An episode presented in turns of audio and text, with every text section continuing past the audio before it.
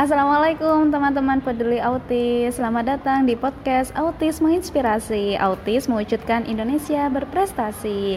Audio ini edisi pertama podcast Autis Menginspirasi. Nah sebagai perkenalan apa sih podcast Autis Menginspirasi? Podcast Autis Menginspirasi memiliki visi untuk mengedukasi tentang dunia autis yang di dalamnya akan sharing mengenai cara menyikapi atau menangani anak autis. Kemudian apa sih itu ciri-ciri anak autis, penelusuran bakat dan hal lainnya yang berkaitan tentang anak autis. Mungkin jika ada kesempatan kita juga akan membahas terapi, sharing dengan uh, orang tua atau keluarga yang memiliki anak berprestasi walaupun kondisinya autis. Diharapkan dengan hadirnya podcast autis menginspirasi, anak autis tidak selalu dipandang sebelah mata, setidaknya tidak dibiarkan begitu saja dan mendapatkan pendidikan atau bimbingan yang layak. Nah, edisi pertama kali ini saya di, uh, saya Anis dan ditemani oleh Arifah. Nah, Arifah ini siapa sih? Arifah ini emang kebetulan teman teman dari saya sendiri dan aku mengenal Arifah cukup baik karena dia cukup menginspirasi juga orangnya uh, cocok ya sama judul kita autis mewujudkan Indonesia berprestasi autis menginspirasi. Nah, banyak sekali pencapaian yang dari yang diraih sama Arifah ini selama perkuliahan. Nah, kali ini kita akan membahas uh, anak autis dari sudut pandang orang umum ya. Nah, di sini kita sapa langsung aja deh. Hai Arifah. Halo Ani. Hai. Hai. Halo teman-teman semua. Hai. Nah, Fah, uh, sebenarnya kamu udah pernah bertemu belum sih sama anak autis? Oke, jadi sebenarnya aku tuh pernah ketemu sama anak yang mengalami autis. Mm-hmm. Jujur, kalau aku hitung sekitar empat kali empat anak itu pernah aku temuin, mm. gitu. Jadi yang pertama itu memang dialami oleh tetanggaku sendiri.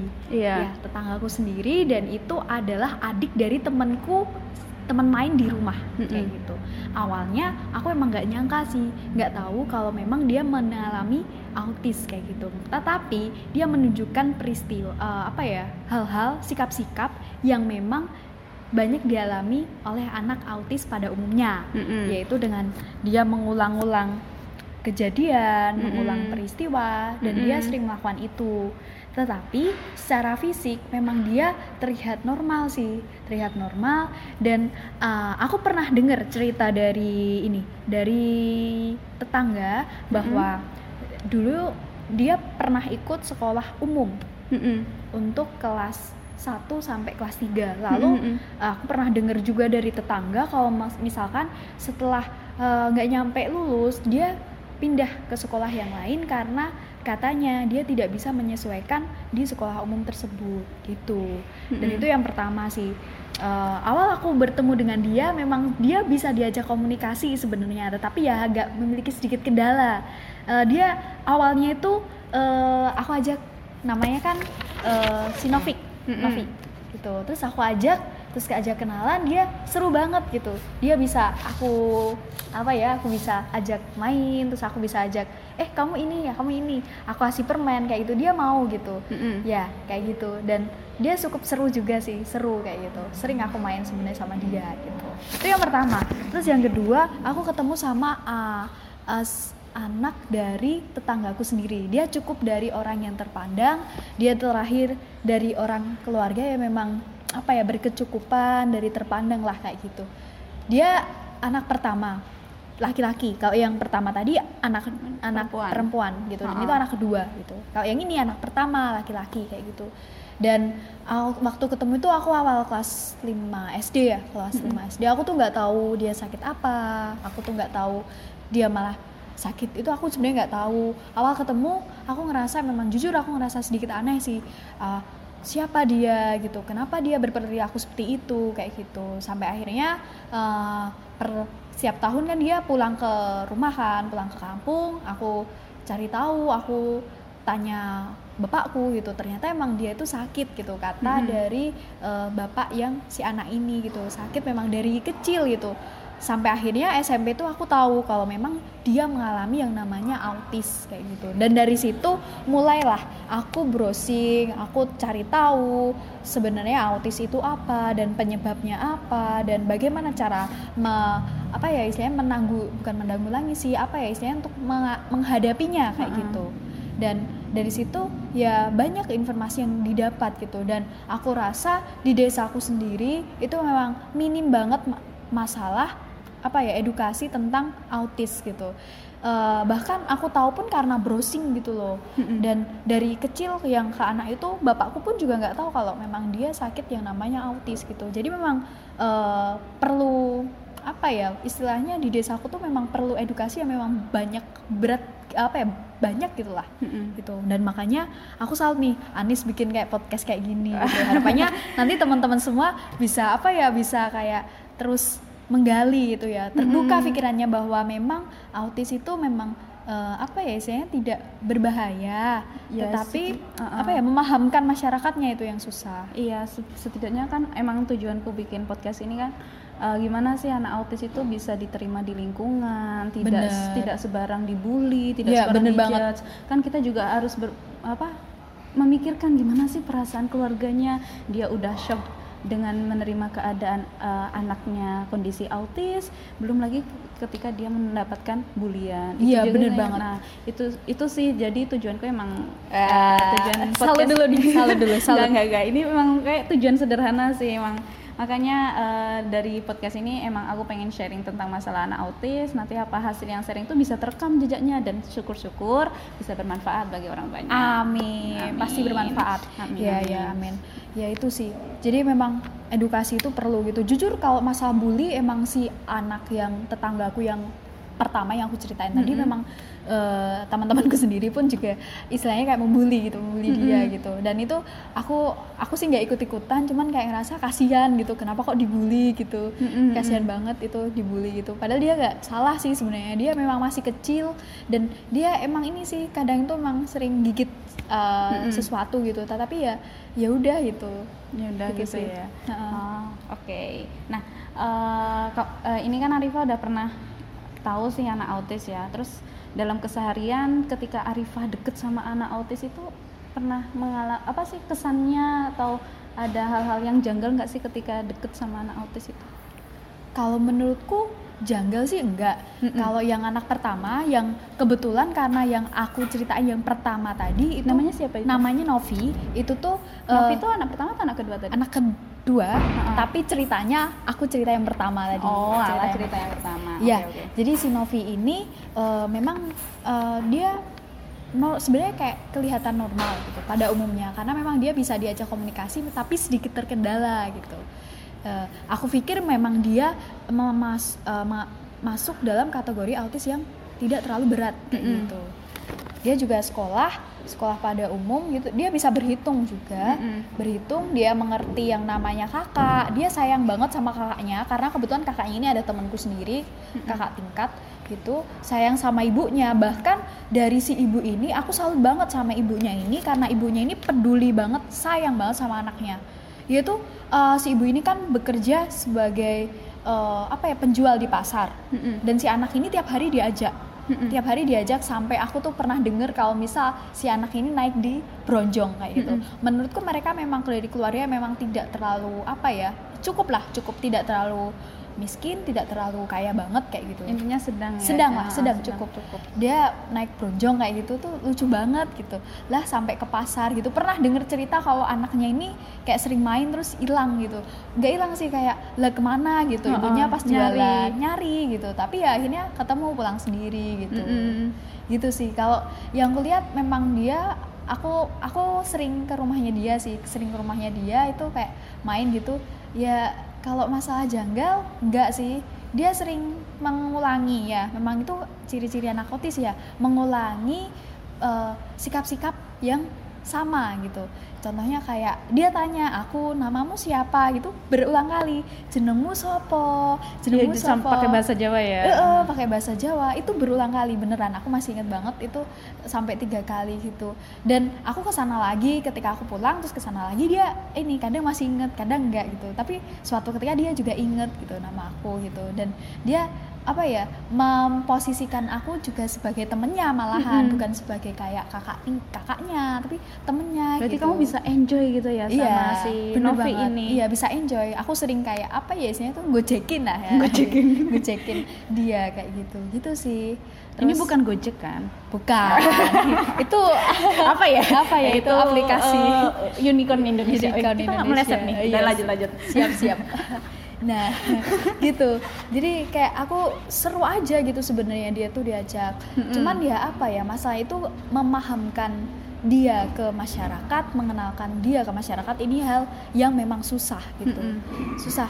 Karena dari ya tetanggaku itu kayak sering apa ya istilahnya tuh membuli tadi gitu Hmm. gitu sih tapi apa ya perlahan menurutku dia memang tidak ganja tidak janggal gitu Tidak janggal. Sebenarnya kalau kita udah enjoy, enjoy aja. enjoy aja gitu lu eh, ketika kita juga ngalah kita juga istilahnya tuh kayak memberi kasih sayang penuh dia bisa kok gitu toh dia juga bisa apa ya eh, bikin aku pernah ke sana dia juga bikin apa ya seperti kayak kerajinan gitu bisa Oh. kerajinan tetapi ya masih ya kayak gitulah anak kecil gitu Mm, mm, mm, mm. iya gitu Oke oke, Wah, berarti sangat menginspirasi sekali ya si Novi ini. Mudah-mudahan Iya. aku bisa bertemu sama dia. iya semoga bisa amin Nah, menurut Arifah sendiri eh, di Indonesia ini udah ramah apa belum sih dengan anak autis baik dari segi pendidikan maupun lingkungannya? Oh ya. Kalau menurutku apa ya? Dari cerita si Novi yang eh, dia sebenarnya dia udah sekolah umum dari kelas 1 sampai kelas 3 Hmm, itu tuh sampai kelas 3 ya? Iya, 3 SD itu tuh menurutku eh, hal yang memang apa ya, sudah effort yang besar gitu. Tapi aku pernah dengar Kak, dia karena tidak bisa mengikuti, dia akhirnya dipindah di di sekolah luar biasa kayak gitu SLB. SLB gitu.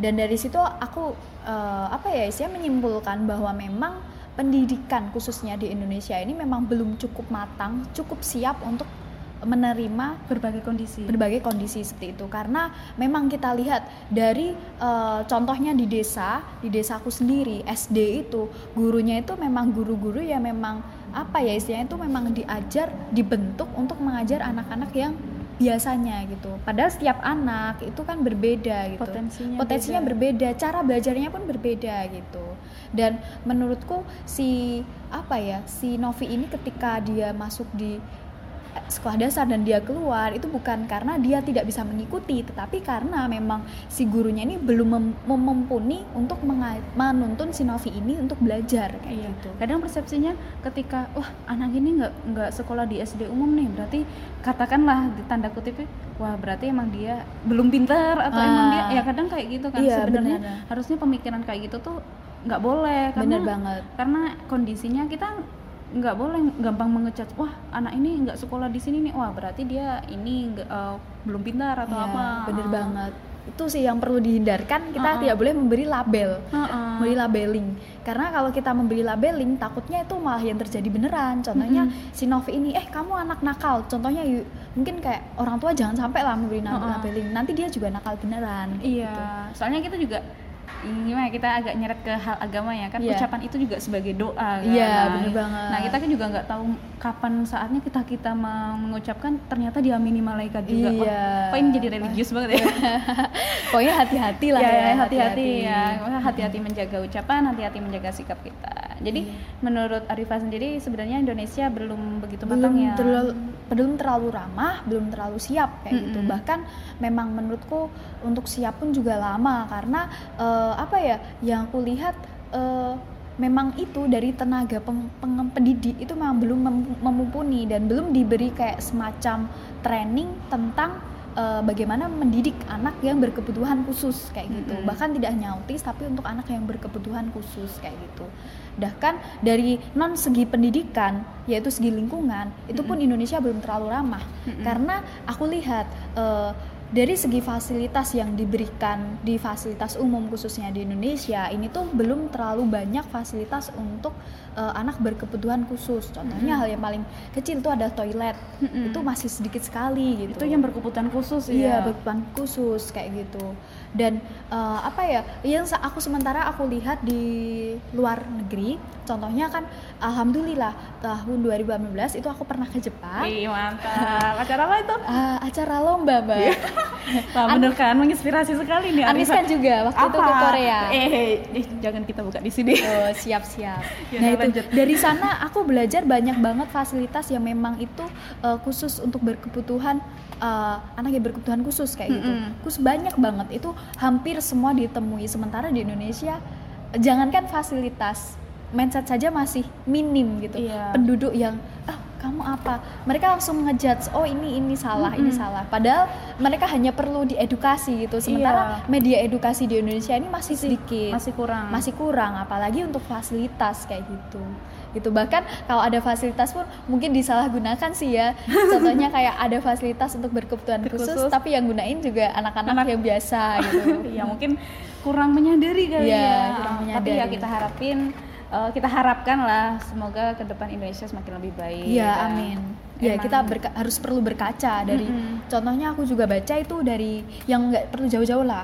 Malaysia, mm -hmm. Singapura. Kenapa Malaysia? Ya, itu banyak kayak fasilitas dan mereka uh, apa ya, studi boardingnya tuh mereka mem membuat semacam apa ya, seperti pendidikan khusus gitu boarding wow. gitu di mm -hmm. uh, di salah di apa namanya di kota gitu dan itu memang apa ya memang ramah autis gitu dan itu saya suka gitu aku suka banget gitu mm -hmm. sementara aku juga pernah baca itu yang di apa ya di media itu tuh uh, tahun 2013 itu gubernur gubernur Jokowi Dodo itu juga mm -hmm. mencanangkan Jakarta Rumah Autis. Wow, wah, tapi aku nggak tahu itu sih, belum tahu sih. Iya, bahkan ini kayaknya belum ada perkembangan lebih lanjut dari sana mm -hmm. gitu.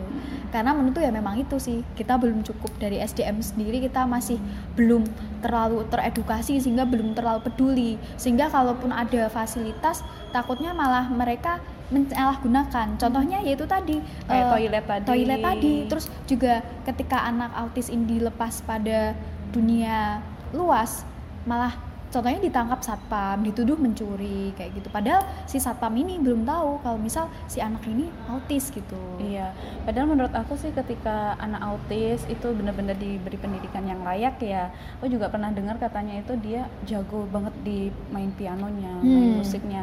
Jangan uh, mungkin dari segi umum ya anak-anak yang berkebutuhan apa anak-anak yang katakanlah emang fisiknya nggak sama-sama kita kan emang secara fisiknya sama kita. Tapi dia sebenarnya menunjukkan bakat-bakat yang luar biasa aku Bener juga banget. pernah dia juga pernah jago di IT padahal dia mengalahkan mampu mengalahkan orang yang nah, umum apa orang yang fisiknya fisik, normal gitu iya, loh makanya nah, sebenarnya butuh wadah iya, butuh butuh, wadah. butuh butuh ruang untuk mereka mengeksplorasi dunia Bener banget. sendiri hmm. jadi itu sih mungkin ke depan Indonesia bisa lebih baik lah ya amin gitu hmm. Nah, menurut Arifah sendiri sih gimana sih caranya agar kita bisa kan Arifah tadi dari cerita yang aku dengar dia uh, Arifah udah mampu nih nerima sama teman-teman anak autis, kemudian udah enjoy sama orang yang dengan kondisi autis. Nah, menurut Arifah gimana sih caranya agar kita menerima anak autis di sekitar lingkungan kita? Kalau menurutku untuk menerima itu memang bukan suatu hal yang mudah ya membalikan mm -hmm. telapak tangan mm -hmm. tapi ya memang butuh proses dan itu prosesnya adalah edukasi sih kalau mm -hmm. menurutku edukasi supaya anak ini bisa diterima gitu karena toh eh, apa ya istilahnya ketika nanti si anak ini dilepaskan itu tuh eh, si anak ini butuh dilepaskan gitu karena dia tidak bisa seterusnya untuk di sekolah yang luar biasa gitu mereka butuh apa ya istilahnya bertahan hidup hmm untuk di luar sana kan nggak selamanya orang tua akan mengawasi mereka mm-hmm. gitu gitu dan si anak ini harus bagaimana caranya masyarakat ini harus men- memiliki mindset bahwa kita bisa menerima autis kayak gitu kita Berarti, bisa paham mm-hmm. autis itu apa mm-hmm. terus bagaimana cara men- menanganinya mm-hmm. terus uh, apakah itu bisa kita apa ya apakah itu berbahaya dan yeah. sebagainya berarti emang kita harus ini ya membuka pikiran kita ya bener banget kita oh, harus membuka pikiran kita oke okay, open okay, mind open mind uh, mungkin uh, cukup di sini uh, podcast audio kali kita kali ini. Mungkin di lain kesempatan kita bisa ngobrol sama Arifa lagi. Oke, okay, kan? siap. Boleh banget. boleh banget. Oh ya, untuk teman-teman autis, eh teman-teman peduli autis, aku minta maaf banget ya kalau misalnya suara ini agak bocor. Apa ya? Karena kita ngambil audionya emang karena di tempat umum ya, iya. di tempat umum. Jadi aku minta maaf kalau misalnya dengar suara orang jalan kemudian iya. ada suara apa ya orang lagi ngomong speaker kayak gitu. Jadi nggak apa-apa. Jadi uh, mudah-mudahan di edisi pertama kali ini bisa bermanfaat buat teman-teman semuanya. Dan kalau misalnya emang ini bermanfaat dan teman-teman share silahkan di share kalau misalnya ingin berbagi langsung. Untuk sementara kita belum rilis uh, eh, IG ya. Jadi kalau misalnya ingin berbagi langsung ingin uh, cerita-cerita bisa ngubungin di IG Anis Titi Afni Anis.afni nah Siap. nah kayak kayak gitu. Untuk sementara emang kita belum bisa rilis IG terima kasih atas uh, waktunya udah mau mendengarkan uh, podcast uh, edisi pertama kita. Semoga bermanfaat. Wassalamualaikum warahmatullahi wabarakatuh. Waalaikumsalam warahmatullahi wabarakatuh